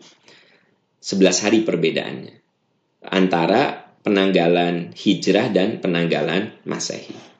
Nah, teman-teman sekalian, ya, itu lebih bersifat apa ya, eh, apa namanya, eh, menambah pengetahuan saja. Kenapa? ada penanggalan hijrah. Kenapa disebut penanggalan Masehi? Jadi penanggalan hijrah itu dipakai, diresmikan pada zaman kekhalifahan Umar pada tahun keempat dari kekhalifahannya. Sementara eh, pada zaman Rasulullah penanggalan itu lebih merujuk kepada peristiwa-peristiwa eh, besar. Makanya Rasul lahir kapan? Pada tahun gajah. Karena peristiwa besar pada saat itu adalah Raja Habasyah mengirimkan tentara untuk menghancurkan Ka'bah dan ketika Raja Habasyah mengirimkan tentara untuk menghancurkan Ka'bah, waktu itulah Rasulullah dilahirkan. Makanya ketika kita belajar waktu SD, Rasulullah lahir pada tahun gajah gitu. Pada tahun eh, apa? Badar pada tahun Uhud. Jadi dulu itu selalu dihubungkan dengan peristiwa-peristiwa besar. Kenapa? Nama hijrah belum ada. Sampai pada akhirnya Umar bin Khattab ya menetapkan sebagai khalifah nama penanggalan untuk Komariah itu adalah dengan istilah hijrah. Sudah saja, hijrah begitu. Maka saat itulah disebut dengan tahun hijrah untuk penanggalan Islam ya penanggalan Islam menjadi nama hijrah pada zaman Umar bin Khattab. Mengapa Umar menjadikan hijrah itu sebagai momentum? Bukan lahirnya Rasul, bukan diutusnya Rasul. Karena Umar melihat sebenarnya titik awal kebangkitan umat Islam, kemenangan umat Islam itu bukan saat diutusnya Rasul, tetapi saat Nabi berhijrah. Dan kenapa Umar sebagai khalifah itu punya pemikiran bahwa penanggalan Komariah ini disebut dengan hijrah? Karena memang di dalamnya mengandung pesan-pesan yang luar biasa. Hijrah itu artinya pindah. Ya, move on. Hijrah itu artinya pindah. Pindah ke mana? Ke arah yang lebih baik. Jadi saya dan Anda dituntut untuk tiap hari menjadi lebih baik. Nah, itu namanya hijrah. Bergerak artinya apa? Dinamis. Kita ini harus dinamis. Harus selalu bergerak. Bergerak ke mana? Ke arah yang lebih baik. Berarti hijrah itu semangat di dalamnya ada dinamika.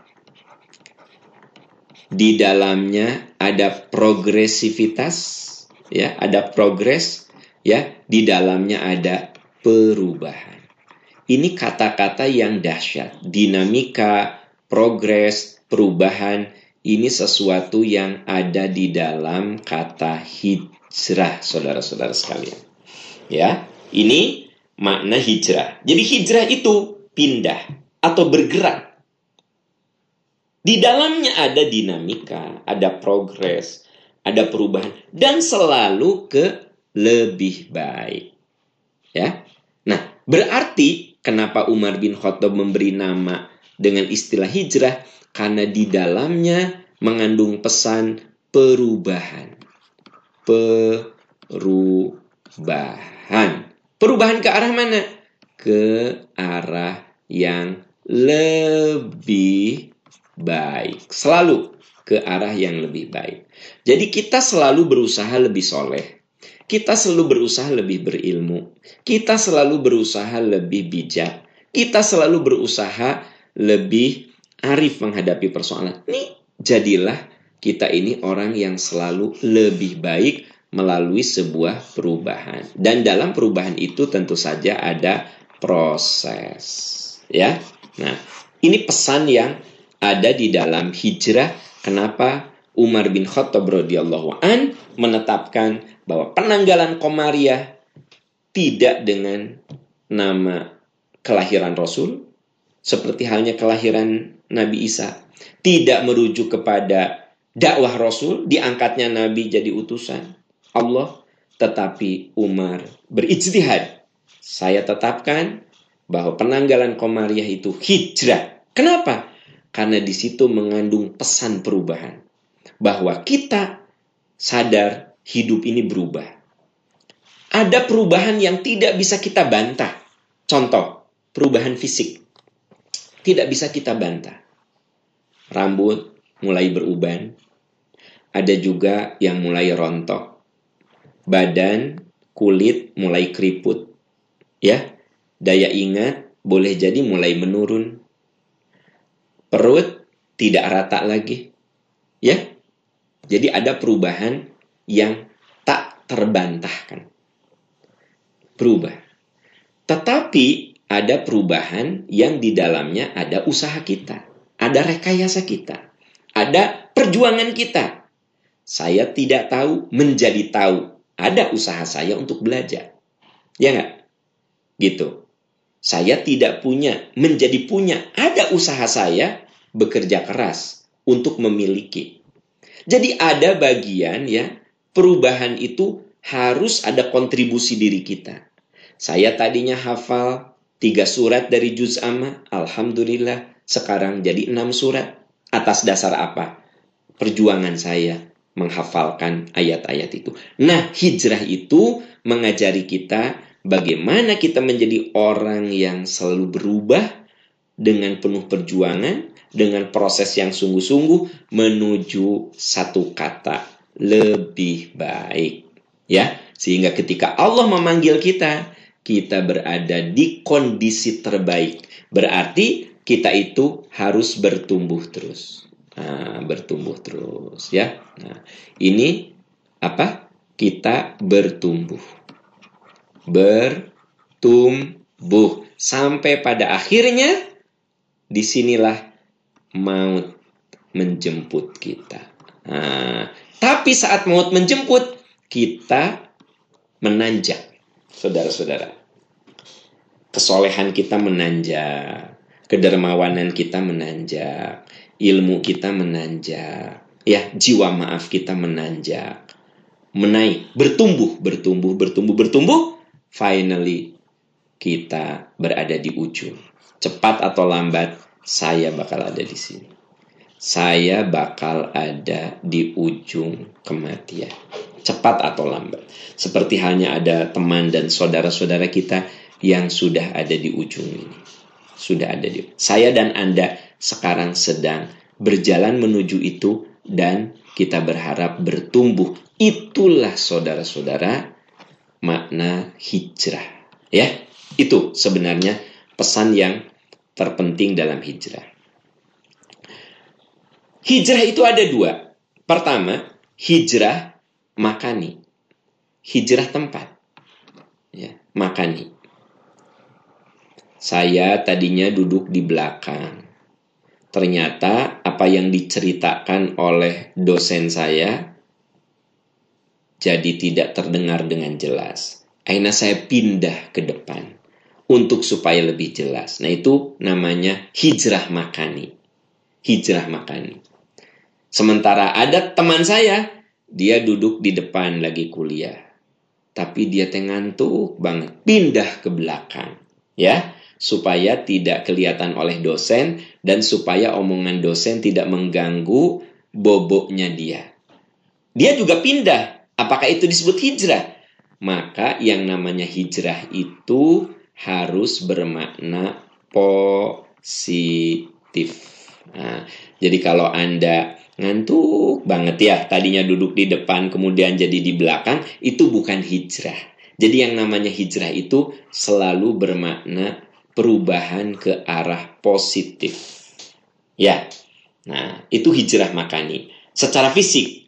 Nah, yang harus kita lakukan every day tiap hari adalah hijrah kolbu.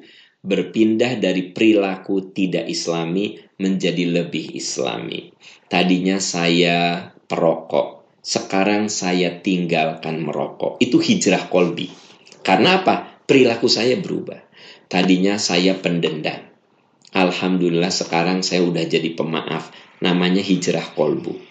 Nah saudara-saudara sekalian, inilah inti dari sebuah hijrah.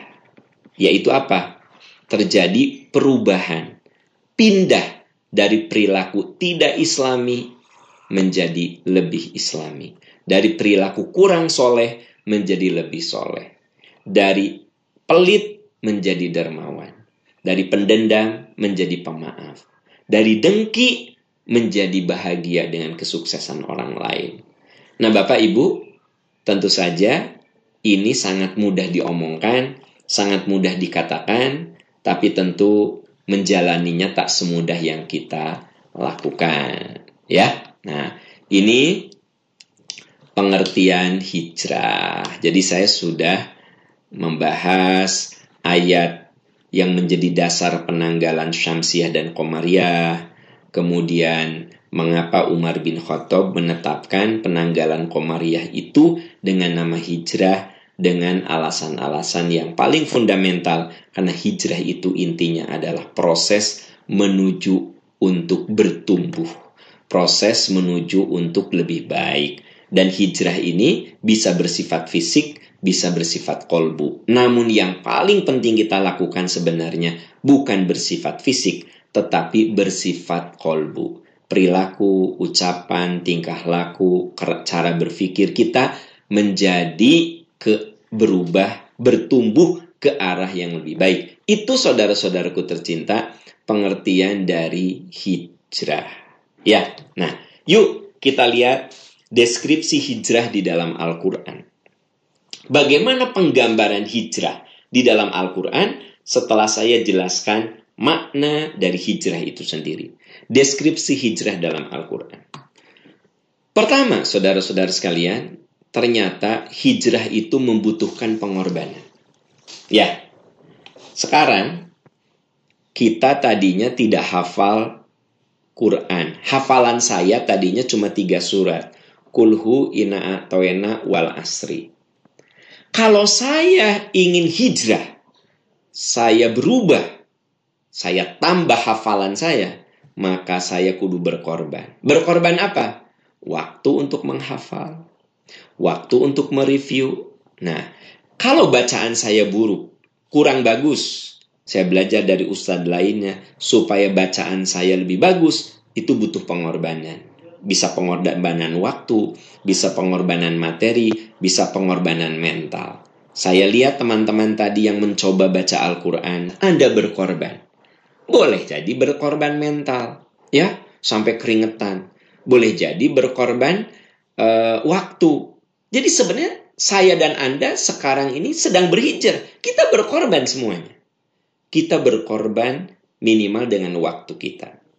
Bapak Ibu berkorban dengan kuota Anda. Berarti kan dengan harta. Jadi hijrah itu membutuhkan pengorbanan. Ya, hijrah itu membutuhkan pengorbanan. Mimpi kita berubah tapi tidak mau berkorban. Kita ini kalau mau berubah ke arah lebih bagus butuh pengorbanan. Oke, saya ditimbang. Apa kata dokter? Pak Am, wah ini overweight Pak Am. Kenapa dok? Iya, iya, iya. Turunkan Pak Am. Ya. Saya pikir coba Pak Am turunkan 5 kilo. Ya. Oke. Nah, Bu, Pak. Saya hijrah. Hijrah. Ya. Menurunkan badan 5 kilo. Kenapa? Karena kata dokter, ini berat badan Pak Am itu kalau kayak begini bisa jadi nggak sehat ini, ya kan? Lihat nih, perutnya terlalu buncit Pak. Coba turunkan 5 kilo. Hijrah kan? Dari tadinya 68, saya tarik menjadi 63. Jadi saya sekarang 68. Kudu jadi 63. Berarti perjuangan saya 5 kilo. Nah ini hijrah. Berubah ke arah lebih bagus. Karena kata dokter, berat badan saya 6 kilo, itulah berat badan yang sehat. Berarti lebih baik dong, karena sehat kan? Coba, menurut Anda butuh pengorbanan tidak? Ya iyalah. Biasanya pagi-pagi kupat tahu, saya berhenti dari kupat tahu. Saya ganti dengan apel. Wih gaya, apel ya. Siang tadinya nasinya ya nasi padang itu satu bluk kan gitu. Nah, sekarang mulai saya kurangi jadi setengah. Biasanya kalau mau tidur saya makan mie tek-tek. Sekarang saya kudu berkorban. Saya tahan diri tidak makan mie tek-tek. Nah, itu kan pengorban. Ini sederhana saudara-saudara. Ketika kita mau menurunkan berat badan, hijrah dari berat badan yang overweight ke berat badan ideal, berarti hijrah kan? Menurut Anda butuh apa? Pengorbanan. Catat, pengorbanan. Gitu. Ya. Nah ini ayat yang akan kita lihat di surat An-Nahl ayat 110. Oke, sahabat-sahabat tercinta coba perhatikan. Thumma inna robbaka lilladzina hajaru mimba dima futinu Nah, ya. Kemudian Tuhanmu menjadi pelindung. Bapak Ibu, kalau Anda hijrah, kalau Anda hijrah, saya hijrah, maka jangan salah. Inna robbaka lilladzina hajaru. Tuhanmu akan menjadi pelindung. Jadi kalau kita berjuang untuk menjadi lebih soleh, lebih baik, kita berhijrah dari keburukan menjadi kebaikan, maka sesungguhnya Tuhanmu pelindung orang-orang yang beri mimba dima futinu setelah mereka menderita dengan cobaan. Tuh, apa katanya? Setelah mereka menderita dengan cobaan. Ini ayat menggambarkan bahwa yang namanya hijrah itu ada pengorbanan. Anda tadinya tidak berhijab, sekarang jadi berhijab. Anda harus siap dengan pengorbanan apa? mungkin dihinakan teman Anda, mungkin ditinggalkan teman Anda. Ada kan? Orang yang tadinya punya geng berlima, dia pakai hijab, akhirnya dikeluarkan dari geng. Ada yang begitu. Bahkan ada juga yang dikeluarkan dari pekerjaannya. Ada juga yang jadi diintimidasi. Thumma jahadu. Kemudian mereka berjihad. Sungguh-sungguh. Sungguh-sungguh. Jihad itu. Wasobaru. Dan mereka sabar. Jadi teman-teman hijrah itu butuh pengorbanan, butuh kesungguhan, butuh sabar. Inna robbaka mimba dihala rahim. Sesungguhnya Tuhanmu maha pengampun, maha penyayang. Coba perhatikan lagi ayat ini ya. Maksudnya saya tegaskan kata per kata loh di ayat ini. Saya ulangi ya. Maksudnya kan kudu diulang-ulang biar jelas. Thumma inna robbaka lilladina hajaru. Kemudian Tuhanmu itu sesungguhnya pelindung, penolong bagi orang-orang yang hijrah. Kapan orang-orang hijrah itu ditolong oleh Allah? Kapan? Mimba dima futinu setelah mereka menderita. Ya, menderita dengan ujian. Nah, ini pengorbanan. Summa jahadu. Mereka berjihad, bekerja keras, sungguh-sungguh. Wasobaru, mereka sabar. Jadi jihad yang berhasil, eh, jadi hijrah yang berhasil itu di dalamnya harus kuat ujian, sungguh-sungguh dan sabar. Jadi di dalam jihad itu ada ujian. Di dalam jihad itu ada sungguh-sungguh.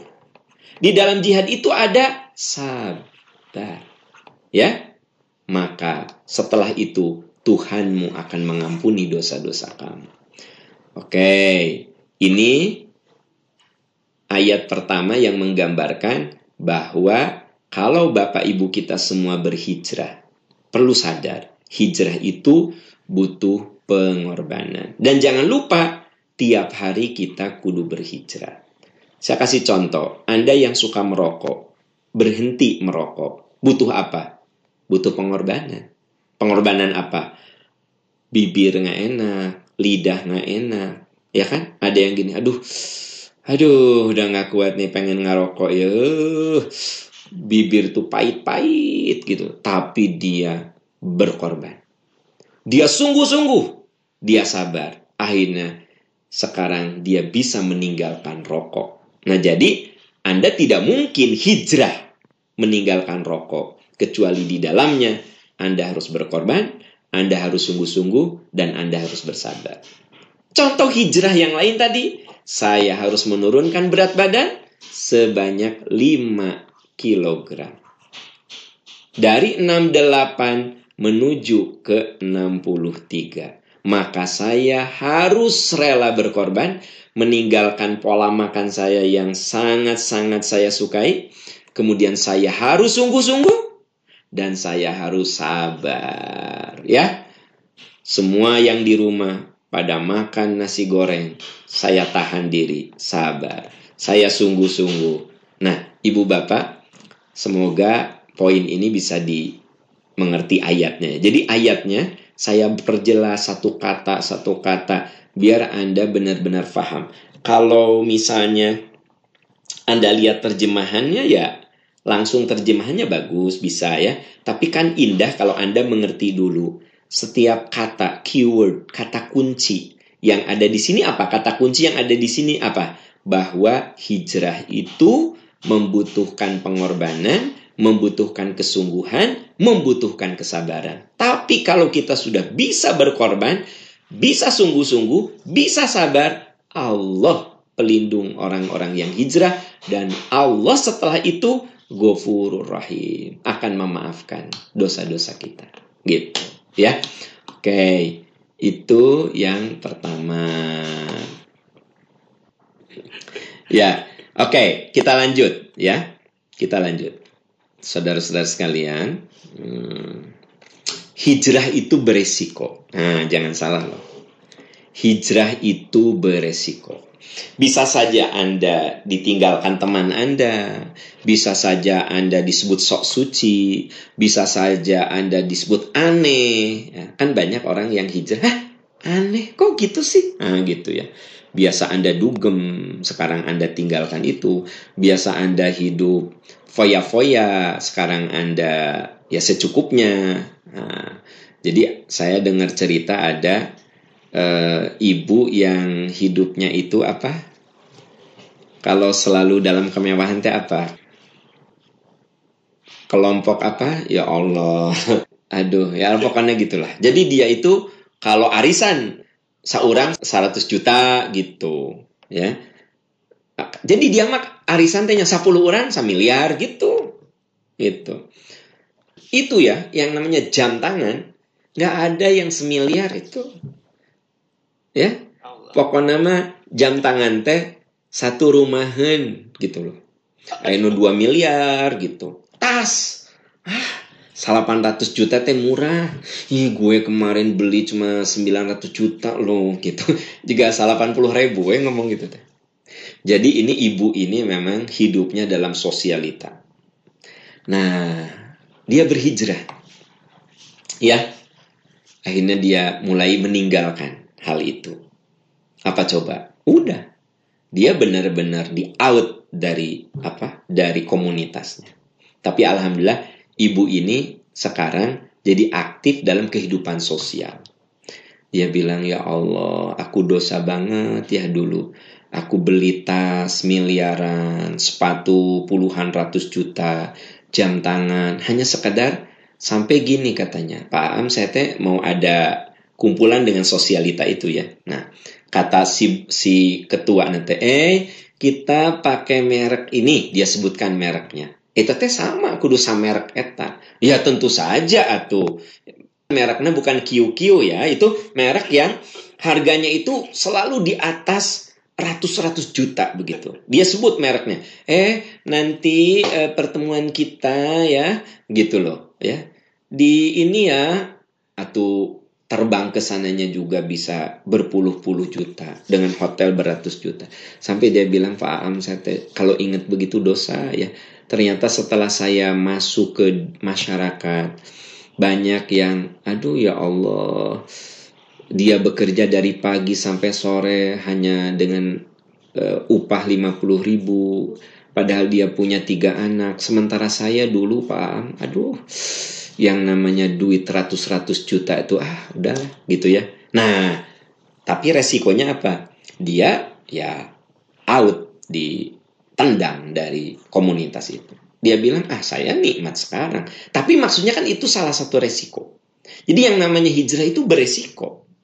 Ya, biasa gaul dengan geng-geng motor yang suka sambil mabok, ya kan? Nah, dia meninggalkan maboknya, maka apa yang terjadi dari gengnya itu di out juga. Jadi hijrah itu beresiko sebenarnya. Nah, coba lihat di dalam surat Al-Hajj 58. Bapak Ibu sahabat-sahabat sekalian, di ayat ini dijelaskan bahkan sampai resiko dibunuh atau mati. Yang dimaksud mati atau dibunuh itu bisa saja dibunuh karakternya. Jadi bukan hanya sekadar dibunuh fisik, dibunuh karakternya, difitnah karena orang itu berhijrah. Waladina hajaru orang yang hijrah ya di jalan Allah kutilu dibunuh matu atau bahkan sampai mati. Jadi orang yang hijrah itu beresiko bisa dibunuh, dibunuh fisiknya, dibunuh karakternya, difitnah. Jadi ada orang-orang yang ketika dia hijrah, ya berpindah dari buruk kepada baik, uh difitnah itu, difitnah ini, ya dibunuh karakternya. Atau bahkan sampai fisiknya mati, tapi nggak usah khawatir. Layar zuqannahumullahu rizqan hasana di satu sisi dia itu berisiko secara duniawi, tapi di sisi lain Allah akan berikan rezeki yang baik. Nah, ini yang tidak boleh teman-teman kita semua uh, lupa bahwa kalau kita hijrah bahkan dengan hijrah kita itu dibunuh karakter kita, difitnah, dihinakan, dinistakan, bahkan ada yang sampai membayarnya dengan kematian, la yarzuqannahumullahu rizqan hasana. Allah beri rizki yang baik. Wa inna allaha lahuwa khairur raziqin. Dan Allah itu sebaik-baik pemberi rezeki. Bukankah ya kesyahidan itu rezeki? Bukankah surga itu rezeki yang terbaik? Bukankah kita berkumpul dengan keluarga di surga itu juga rezeki terbaik?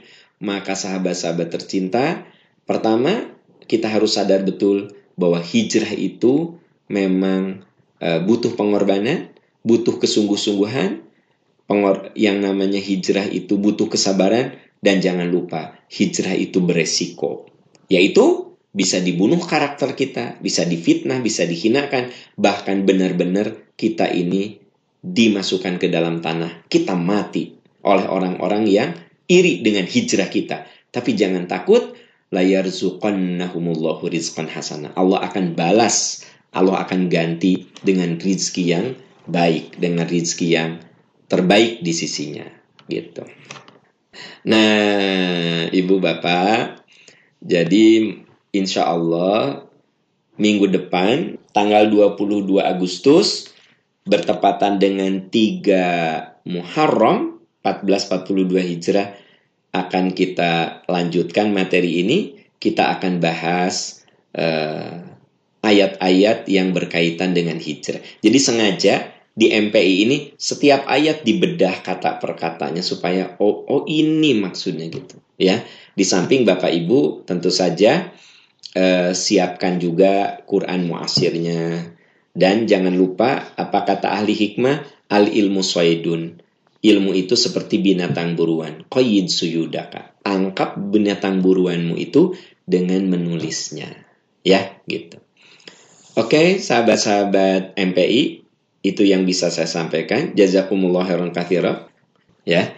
Semoga uh, kita senantiasa bisa menjalani kehidupan dengan penuh keriduannya, dengan penuh cinta Allah, dan dengan penuh keberkahan. Karena hakikatnya kita sedang menapaki menuju ujung, yaitu kematian. Nah semoga sebelum kita dipanggil Allah, kita bisa mengisi hidup kita dengan amalan-amalan terbaik. Terima kasih.